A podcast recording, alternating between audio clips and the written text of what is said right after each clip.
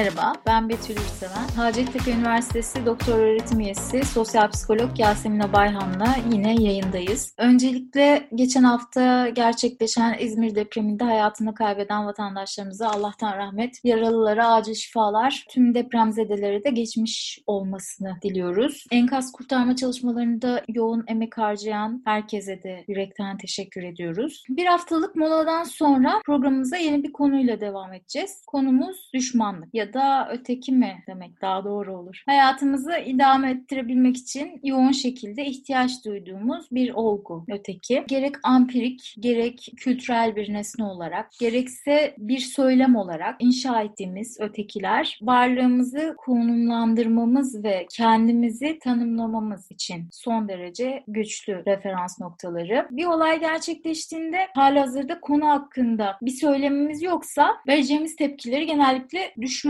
ya da öteki olarak gördüklerimizin pozisyonuna göre belirleme eğiliminde olduğumuzu söyleyebiliriz. Özellikle ucu siyasete dokunabilen ya da bizim siyasete bağlamayı tercih ettiğimiz konularda karşıtlık kurabileceğimiz bir düşman yaratabildiğimiz sayısız örnek görüyoruz. Peki öteki olmadan neden kendimizi tanımlayamıyoruz? Düşmana neden ihtiyaç duyuyoruz hocam? Aslında çok güzel özetledin. Şimdi ben senin özetlediklerini birazcık açıyor olacağım. Daha öncesinde de başka bir şey konuşurken de bu örneği vermiştim. Bütün psikoloji tezleri, sosyal psikoloji tezleri, pek çok psikoloji kitabı insanın sosyal bir varlık olduğunu vurgulayarak başlar. Şimdi sosyal bir varlık derken ki o sosyali aslında öylesine söylemiyoruz. Hele hele bu pandemi sürecinde de çok eksikliğini de hissettiğimiz bir şey. İnsan dediğimiz varlık bir diğeriyle temasa her zaman çok muhtaç. Bir diğeri olmadan hayatını idame ettirmekte ciddi anlamda sıkıntı yaşıyor. Bu bir diğeri dediğimiz kişi her zaman bizim için önemli olan bir kişi olmak durumunda değil. Mutlaka duygusal bir bağ kurduğumuz kişi de olmak durumunda değil. Senin söylediğin gibi sadece kendimizi karşılaştırmamız için bile bir referans noktası olması bile yeterli. Dolayısıyla aslında insan için diğerlerinin ciddi anlamda bir önemi var. Yapılan araştırmalar şunu gösteriyor. Bireyler eğer uzun bir süre boyunca dışlanırlarsa, bir gruba dahil olamazlarsa bu aslında vücutlarında ciddi anlamda bir hasara da sebep olabiliyor. Hem beyinlerinde hem vücutlarında bazı hasarların bu şekilde ortaya çıkabildiğini biliyoruz. Dolayısıyla dışlanmak bizim için aslında ciddi anlamda çok büyük bir tehdit. Şimdi avcı toplayıcı dönemlerindeki dışlanmaya baktığınızda fiziksel engeli olan, yaşlı olan ya da sahip olduğu belirli bir yükten dolayı o grubun içerisinde daha işlevini devam ettiremeyenlerin aslında zaman içerisinde avcı toplayıcılar göçerek devam ederken dışlandıklarını ve nereye gidildiğini söylenmeyip de geride bırakıldığını biliyoruz. Bu türde bir geride bırakılma da özellikle ilk dönemlerde daha demin söylediğim gibi avcı toplayıcılıklarda aslında ölümle denk. Çünkü tek başına kalıyor ve tek başına kaldığında da bu durum ölümle sonuçlanabiliyor. O yüzden de aslında dışlanma dediğimiz şey bizim zihnimizde birazcık sosyal ölüm olarak da kodlanabiliyor. Yani dışlanmaya başladığımızı hissettiğimiz anda, bir gruba dahil olamadığımızı hissettiğimiz anda aslında beynin sinyal verdiğini görüyoruz. Benlik değerinde bir düşme oluyor, ait olma ihtiyacında bir düşme oluyor, anlamlı varoluşta düşme oluyor. Bunların hepsi aslında şu demek. Bir şekilde bir gruba tekrar entegre olman gerekiyor demek. Şimdi o yüzden de grup bu kadar bizim için önemliyken diğerlerinin de bir önemi var. Neden? Çünkü hayatında bazı gruplar verilidir. Sosyal kategorilerin bir kısmı sana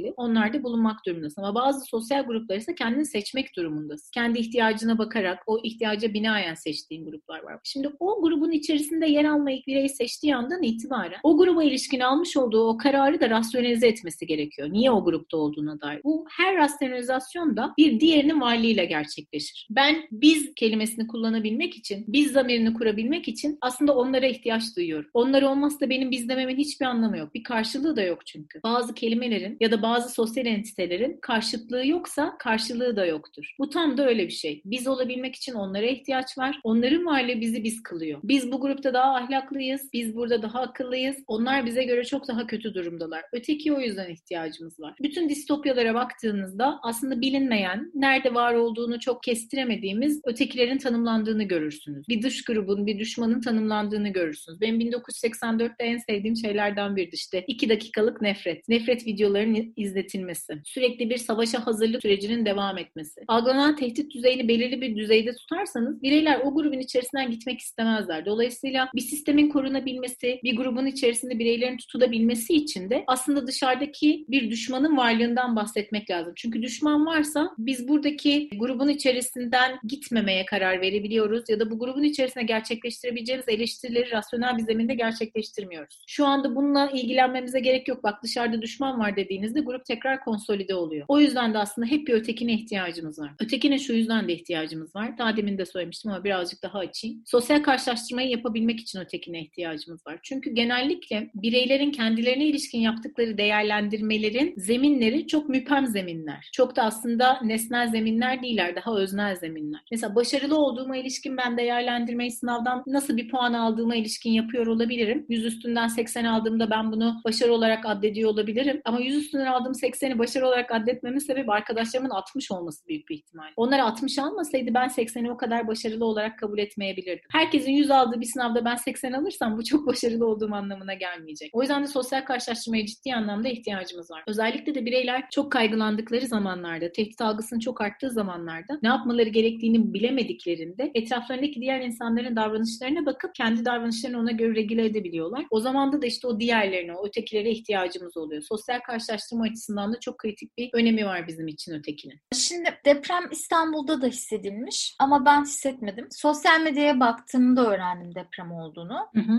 Depreme dair öğrendiğim ilk şey ise depremin İzmir'de olduğu ve birilerinin depremi zinaya bağladığı oldu. Evet. Biraz daha bakınca böyle bir yorum yapanın aslında bir tane Twitter hesabı olduğunu ve aslında bu hesabın attığı bir tane tweet üzerine böyle bir kınama hatta lanetleme furyası başladığını anladım. Zina yorumu yapanı kınama furyası yani. Birkaç saat sonra tekrar baktım sosyal medyaya. Bir tutuklanma haberi gördüm ya da gözaltıdır yani tam hatırlamıyorum. Bu hesabı kullanan kişi tutuklanmış zinaya bağlayan işte. Hesabın adı kız ismi.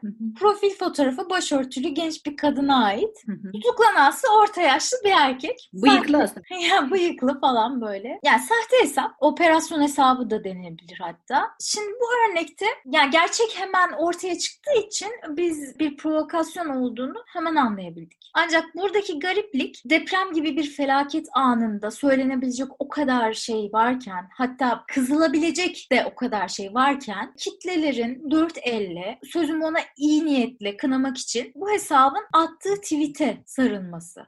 Hani hayali düşman yaratma durumu vardır ya adeta bir örneği gibi bu olay. Bir ikilik yaratmaya çalışıyorsun. İstiyorsun ki depremden mağdur olanlar bir taraf olsun ama onun bir taraf olabilmesi için de onlara düşman başka bir taraf olsun. Ve bu düşman tarafı yaratabilmek için de tek bir tweet de yetebiliyor sana. Yani tweet'i atanın yani söylemin sahibinin gerçek bir kişi olup olmadığının dahi bir önemi kalmıyor. Bu düşman algısı olmazsa olmaz mıdır hocam? Yani belirli bir düşman tayin edememek bizi deprem gibi fiziksel etkisi olan bir afetten bile daha çok mu rahatsız ediyor? Daha demin hani bir ötekine ihtiyacımız var, aslında bir düşmana ihtiyacımız var derken söylediğim kısımla bu çok aynı şey değil. Bu birazcık daha farklı bir kavramla da açıklanabilir. Senin çok güzel verdiğin o bıyıklı Asena örneğinde. Oradaki kritik şey birazcık bizim adil dünya inancımızın tehdit edilmesiyle ilgili. Bunu başka bir programda çok azıcık değinmiştik ama şimdi biraz daha açmanın zamanı sanırım. Hayatımız devam ederken yani yarın sabah uyandığımızda ne yapacağımızı planlarken biz yarın sabah uyanacağımızı, belirli bazı şeyleri yapabileceğimize ilişkin bir inanca sahibiz. Hayatın bir noktada kontrol edilebilir ve bir noktada devam edebilir olduğuna dair bir inanca sahibiz. Çünkü böyle bir inanca sahip olmamak yani her sabah uyandığında acaba zemin sallanıyor mu diye düşünmek aslında hayatın devam etmesini çok zorlaştırır. Hayatın idamesini çok zorlaştırır. O yüzden de insanlarda çok evrensel olduğunu düşündüğümüz bir güdü var. O da adil dünya inancı. Dünyanın adil olduğunu düşünüyoruz biz. Bu pek çok kahramanlık hikayeleriyle, semavi dinlerin ortaya koydukları söylemleriyle, öğretileriyle, var olan çocukluktan itibaren gelen annelerimizin, babalarımızın bize gerçekleştirdiği bütün öğrenmelerde de böyle. Eğer sen iyi olursan sonucu iyi olur. Eğer sen kötü olursan sonucu kötü olur. Ve bu dünyanın adil olması anlamına gelir. Şimdi adil dünya inancındaki kritik şey bazen kurbanın çok masum olduğu bir durumla karşılaşırız. Deprem öyle bir şey. Deprem kurbanların herhangi bir şekilde kendilerinin dahli olduğu bir durum değil aslında. Ve eğer kurban masumsa seyirci olan bizlerin adil dünya inancı daha fazla sarsılır. Şimdi oradaki o provokatif tweet'i atan bıyıklı Asena bizim adil dünya inancımızın sarsıldığını biliyor. Bunu bildiği için de tam da senin söylediğin gibi o ikiliyi bu türde bir aslında kurbanların tam anlamıyla masum olduğu, üzerinde herhangi bir kontrolün en azından kurbanların bir kontrolü olmadığı bir durumda bir ikiliyi yaratmanın çok daha kolay olduğunun farkında. Çünkü bu daha öncesinde de böyle oldu. Öfkelendiğimiz bir süreç olduğunda özellikle de neden kaynaklandığını, nasıl kaynaklandığını kestiremediğimiz bu türde büyük afetlerde bunlar insan kaynaklı afetler de değiller aslında bir noktada. Bu türde afetlerde bireyler buna ilişkin bir açıklama ihtiyacı içerisinde oluyorlar ve çok hızlı öfkeleniyorlar. Bu öfke de aslında çok hızlı mobilize olabilen, başka yere kaydırılabilen bir öfke. Orada işte o daha demin bahsetmiş olduğumuz troll hesabın yaptığı şey bu öfkeyi oradan alıp başka bir yere kaydırmak. Bir ikilik yaratmaya çalışmak. Ama bunu makul bulmama meselesi ilk defa bu sefer çok işlevsel bir şekilde gerçekleşti senin de söylediğin gibi. Bu Van depreminde ben hatırlıyorum. Ben kendi ailemden bir akrabamla bu yüzden konuşmuyorum. Çok hani 6 yıl ya da 7 yıl oldu sanırım Van depremi olalı. Van depreminde kendisi de bir göçmen olmasına rağmen Allah nereyi sallayacağını biliyor gibi çok densiz bir şey söyledi. Ve ben o andan itibaren kendisiyle görüşmemeye başladım. Yani bu türde bir büyük felaketi arkaya alıp da var olan kategoriler arasındaki o ayrışmayı daha da büyük bir pozisyona götürmek aslında aslında çok makul değil, kuşkusuz makul değil. Ama o öfke sırasında o öfke çok kullanılabilir olduğu için bireyler bunu gerçekleştirebiliyorlar. Bunu çok daha kötü bir şekilde devam ettirebiliyorlar. Daha üstüne de başka şeyler de ekleyebiliyorlar. Ben bunu işte yine Van depreminden örnek vereceğim. Hatırlarsın belki. PTT o zaman bir açıklama yapmıştı. Van depreminde verilen kargoların bazılarında sadece Türk bayrağı ve taş çıktı diye. Yani yardım diye gönderilen kargolardan sadece Türk bayrağı ve taş çıktı diye. Ben Elazığ depreminde sahada çalışma şansına sahip oldum. Umarım gelecek hafta da İzmir'de sahada çalışma şansına sahip olacağım. Ama Elazığ'da mesela sahada çalışırken de depremin Elazığ'da olmuş olmasından dolayı çok önemsemeyen insanların varlığını fark ettim sosyal medyada. Yani bugün de deprem İzmir'de olduğu için de bazıları bunu yapıyor olabilir. Yani o aradaki sosyal kategoriler içinde bulunduğumuz grubun karşısındaki diğer bireyi o kadar düşman görüyoruz ki aslında herhangi birimizin başına gelebilecek, sadece o anda nerede olduğumuzla bağlı olarak değişen, bir noktada aslında şansa da bağlı olabilecek bir meselede sanki bu karşı karşı tarafın hak ettiği bir şeymiş gibi düşünüyoruz. Çünkü hak ettiğini düşünmek bizi birazcık daha fazla rahatlatıyor. Halbuki bu doğru bir rasyonalizasyon değil.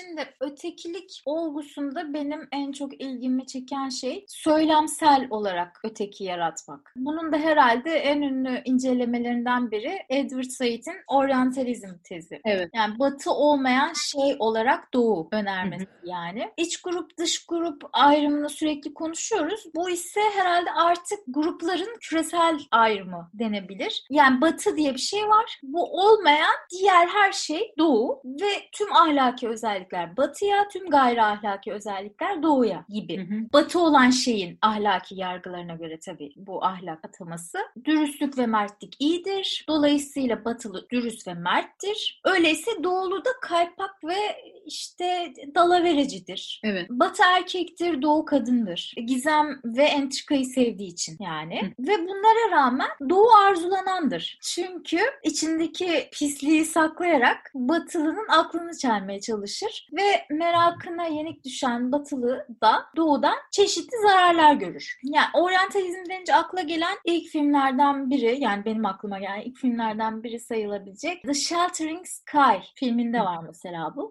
Çölde Çay diye çevrilmiş. Batılı üç gezgin doğunun gizemlerini keşfetmek için Sahra çölüne gider ve başlarına gelmeye kalmaz. Hepsi doğuya merak besler aslında başta. Hatta yani sempati de denilebilir belki. Doğulu figürler tarafından baştan çıkarılırlar ve spoiler vermemek için sonunu söylemeyeyim ama yani belalarını bulurlar sonunda diyebiliriz. Hiç spoiler olmadı. Öte yandan büyük aşklar nefretle başlar diye bir deyiş vardır ya hani. Kaynağı nereye dayanıyor bilmiyorum ama bu düşmana ihtiyaç duyma halimizin de ötesi ötesinde düşmana aşık mıyız acaba? Ya da düşmana duyduğumuz arzu dosta duyduğumuz arzudan daha mı büyüktür? Yine spekülasyon oldu ama. Son sorularda yediğim gole inanamıyorum yani.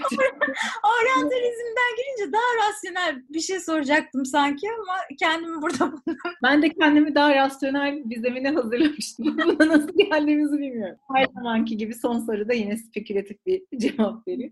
Buradaki temel meselelerden bir tanesi şu sanırım bir uyaran ne olursa olsun bu bir başka bir insan olabilir, bir nesne olabilir, bir kavram olabilir. Bir uyaran bizim için ne kadar başkaysa, ne kadar bilmediğimiz bir şeyse o kadar caziptir. Bu temel bir şey. Bir uyarana ne kadar alışırsan zaman içerisinde, ne kadar zaman geçirirsen onunla, bir noktadan sonra onu ne kadar öğrenirsen ve ne kadar benimsersen o kadar da cazibesini kaybeder. Artık cazip olmaz spekülatif gitmemeye çalışarak gel geldiğim şu noktada. O yüzden de aslında düşman dediğimiz, ne olduğunu tam bilmediğimiz, içini bir türlü tam olarak görmediğimiz şey bir noktada e, bizim çok merak ettiğimiz de bir şey. Şimdi tam senin verdiğin örneğin üstüne tam oturuyor olmayacak ama hani belki farklı perspektiften bakmak açısından aşk dediğin şeyin içerisinde de öfkenin olduğuna ilişkin bir öğrenme var değil mi? Bu böyle değil bu arada. Literatür böyle söylemiyor ama böyle bir öğrenmemiz var. Birbirini çok seven insanların birbirlerinden nefret etme ihtimali çok fazla fazladır denir. İşte yani sen söylediğin gibi büyük aşklar nefretle başlar denir. Dolayısıyla aslında ne olduğunu bilmediğimiz şeyin bize cazip gelme ihtimali her zaman var. O uyaranı anlamaya çalışmakla ilgili bir şey. Ama onun da dışında bence oryantalizm mevzusunun içerisinde Doğu gerçekten senin de çok güzel özetlediğin gibi hep olumsuz özellikleri içinde barındıran. Ama bu olumsuz özellikleri içinde barındırıyor olmasına rağmen çok da cazip çünkü çok baştan çıkarıcı. Şimdi o olumsuz özelliklerin varlığı aynı zamanda baştan çıkarıcı da olabilir ve çok bir noktada da şey hani şeytanmış gibi de gösterilebilir. Ama bazı öğrenmelerde ya da bazı süreçlerde baktığımızda bu baştan çıkartma meselesinin de kritik olduğunu, işte doğuyu keşfetmeye çalışmanın o yüzden de kritik olduğunu görüyoruz. Bu bir sürü filmde, bir sürü romanda, bir sürü anlatıda zaten böyle aslında. Ne zaman olduğunu hatırlamıyorum. 4 ya da 5 yıl önce Kiarostami vefat etmeden önce Türkiye'ye gelmişti. Ankara'ya da gelmişti. Ankara'da bir söyletisine gitmiştim. Kendisini görme şansına eriştiğim bir zaman zamandı. Yani Abbas Kiarostami'ye öyle sorular soruyorlar ki hani hiçbir filmini anlamamışlar, hiçbir filmini izlememişler ya da hani durduğu pozisyona hiç bakmamışlar gibi. Temel olarak soruların hepsi şöyle gidiyor ya. Siz İran'dan çıktınız, nasıl bu kadar iyi bir yönetmen oldunuz? Özeti gerçekten bu. Bütün soruların. Ve aslında Abbas Kiarostami de özet olarak şunu söylüyor. Bir insan İran'dan çıkıp da nasıl yönetmen olmaz diyor. Bence asıl buradaki kritik şeylerden biri de bu yani. İran gibi bir yerden çıkıp da hikaye anlatmayı zaten nasıl bilmez? Bu soruyu nasıl soruyorsunuz şeklinde cevap veriyor. Orada bu cevabı verirken çok sembolik bir konuşma şeklinde gidiyordu. Şöyle bir şey söyledi Abbas Kiarostami. Hikayelerde her zaman karganın hırsız olduğu söylenir ama belki de karga sadece peynir seviyordur dedi. O yüzden bence hani farklı kültürlere ilişkin bir şey söylenirken işte o kültüre o şeyi atfetmek, o kişilik özelliğini atfetmek yerine belki sadece davranışa bakmak bizi biraz oradan daha uzaklaştırabilir. Son olarak şunu soracağım. Alman felsefeci Wilhelm Schmidt'e göre düşmanlık gayet de faydaları olan bir tutum. İnsanın referans alabileceği bir sabit bir nokta. Dostlukların kıymetini artıran bir zıtlık. Hatta Hı-hı. intikam arzusuyla ya da düşmanı alt etme motivasyonuyla da başarıya götüren bir katalizör. Hı-hı. Düşmanlığın faydaları var mıdır gerçekten hocam? Burada asıl yani kuşkusuz var. Eğer bir faydası olmasaydı bugün hala öyle bir kavramdan bahsediyor olmazdı bahsetmezdik. Var ki hala bahsediyoruz. Aslında senin de söylediğin gibi birincisi sosyal karşılaşmadan bahsederken de söylemiştim. O olmamaya çalışırken kendimizi çok daha fazla geliştirebiliyoruz. İkincisi bizim benlik kavramımız açısından da çok önemli. Ben kimim sorusuna cevap verirken her zaman ben oyum, ben buyum demiyoruz. Şunu da diyoruz. Ben o değilim. Ben o grupta değilim. Dolayısıyla ben kimim sorusu ki aslında bir insan hayatı boyunca bu soruya zaten cevap vermeye çalışır. Bu soruya cevap verirken de bizim için düşmanların varlığı çok önemli. Bir üçüncüsü bunların da da dışında aslında duygusal olarak da bizim için çok kritik. Öfke çok üstüne konuştuğumuz zaman sonuçları çok olumlu olmayan bir durum olabilir ama öfke çok işlevsel bir duygudur. Ve aynı zamanda insanların bazen bazılarının öfkeleniyor olması, bunu ifade ediyor olmaları ve bir katarsis yaşıyor olmaları da psikolojik sağlıklar için de çok önemlidir. Dolayısıyla bu öfkenin de bir yere yönelebilmesi açısından da düşmanın bir fonksiyonu var. O yüzden de evet düşmana ihtiyacımız var ve hatta bu yüzden bazen hiç düşmanımız yokken zihinsel olarak düşman yaratıyor olmamızın sebebi de bu. Çünkü bazen hiç düşmanımız yok ama biz yine de onu yaratıyoruz çünkü ona ihtiyacımız var. O olmadığı sürece grubun içerisinde kalmamızı sağlayan bir durum olmuyor. O olmadığı sürece kendimizi tanımlayamıyoruz. O olmadığı sürece neye öfkeleneceğimizi bilemiyoruz ve hani bu öfkenin kendimize dönmesi, kendimize yönelmesi çok da tehlikeli bir durum olacağı için bir yere yönelmesi lazım. O yüzden de aslında bu bir diğerine her zaman bir ihtiyacımız var. Onlarsız olmaz yani. Evet, bugün düşmana neden ihtiyaç duyarız sorusuna cevap aradık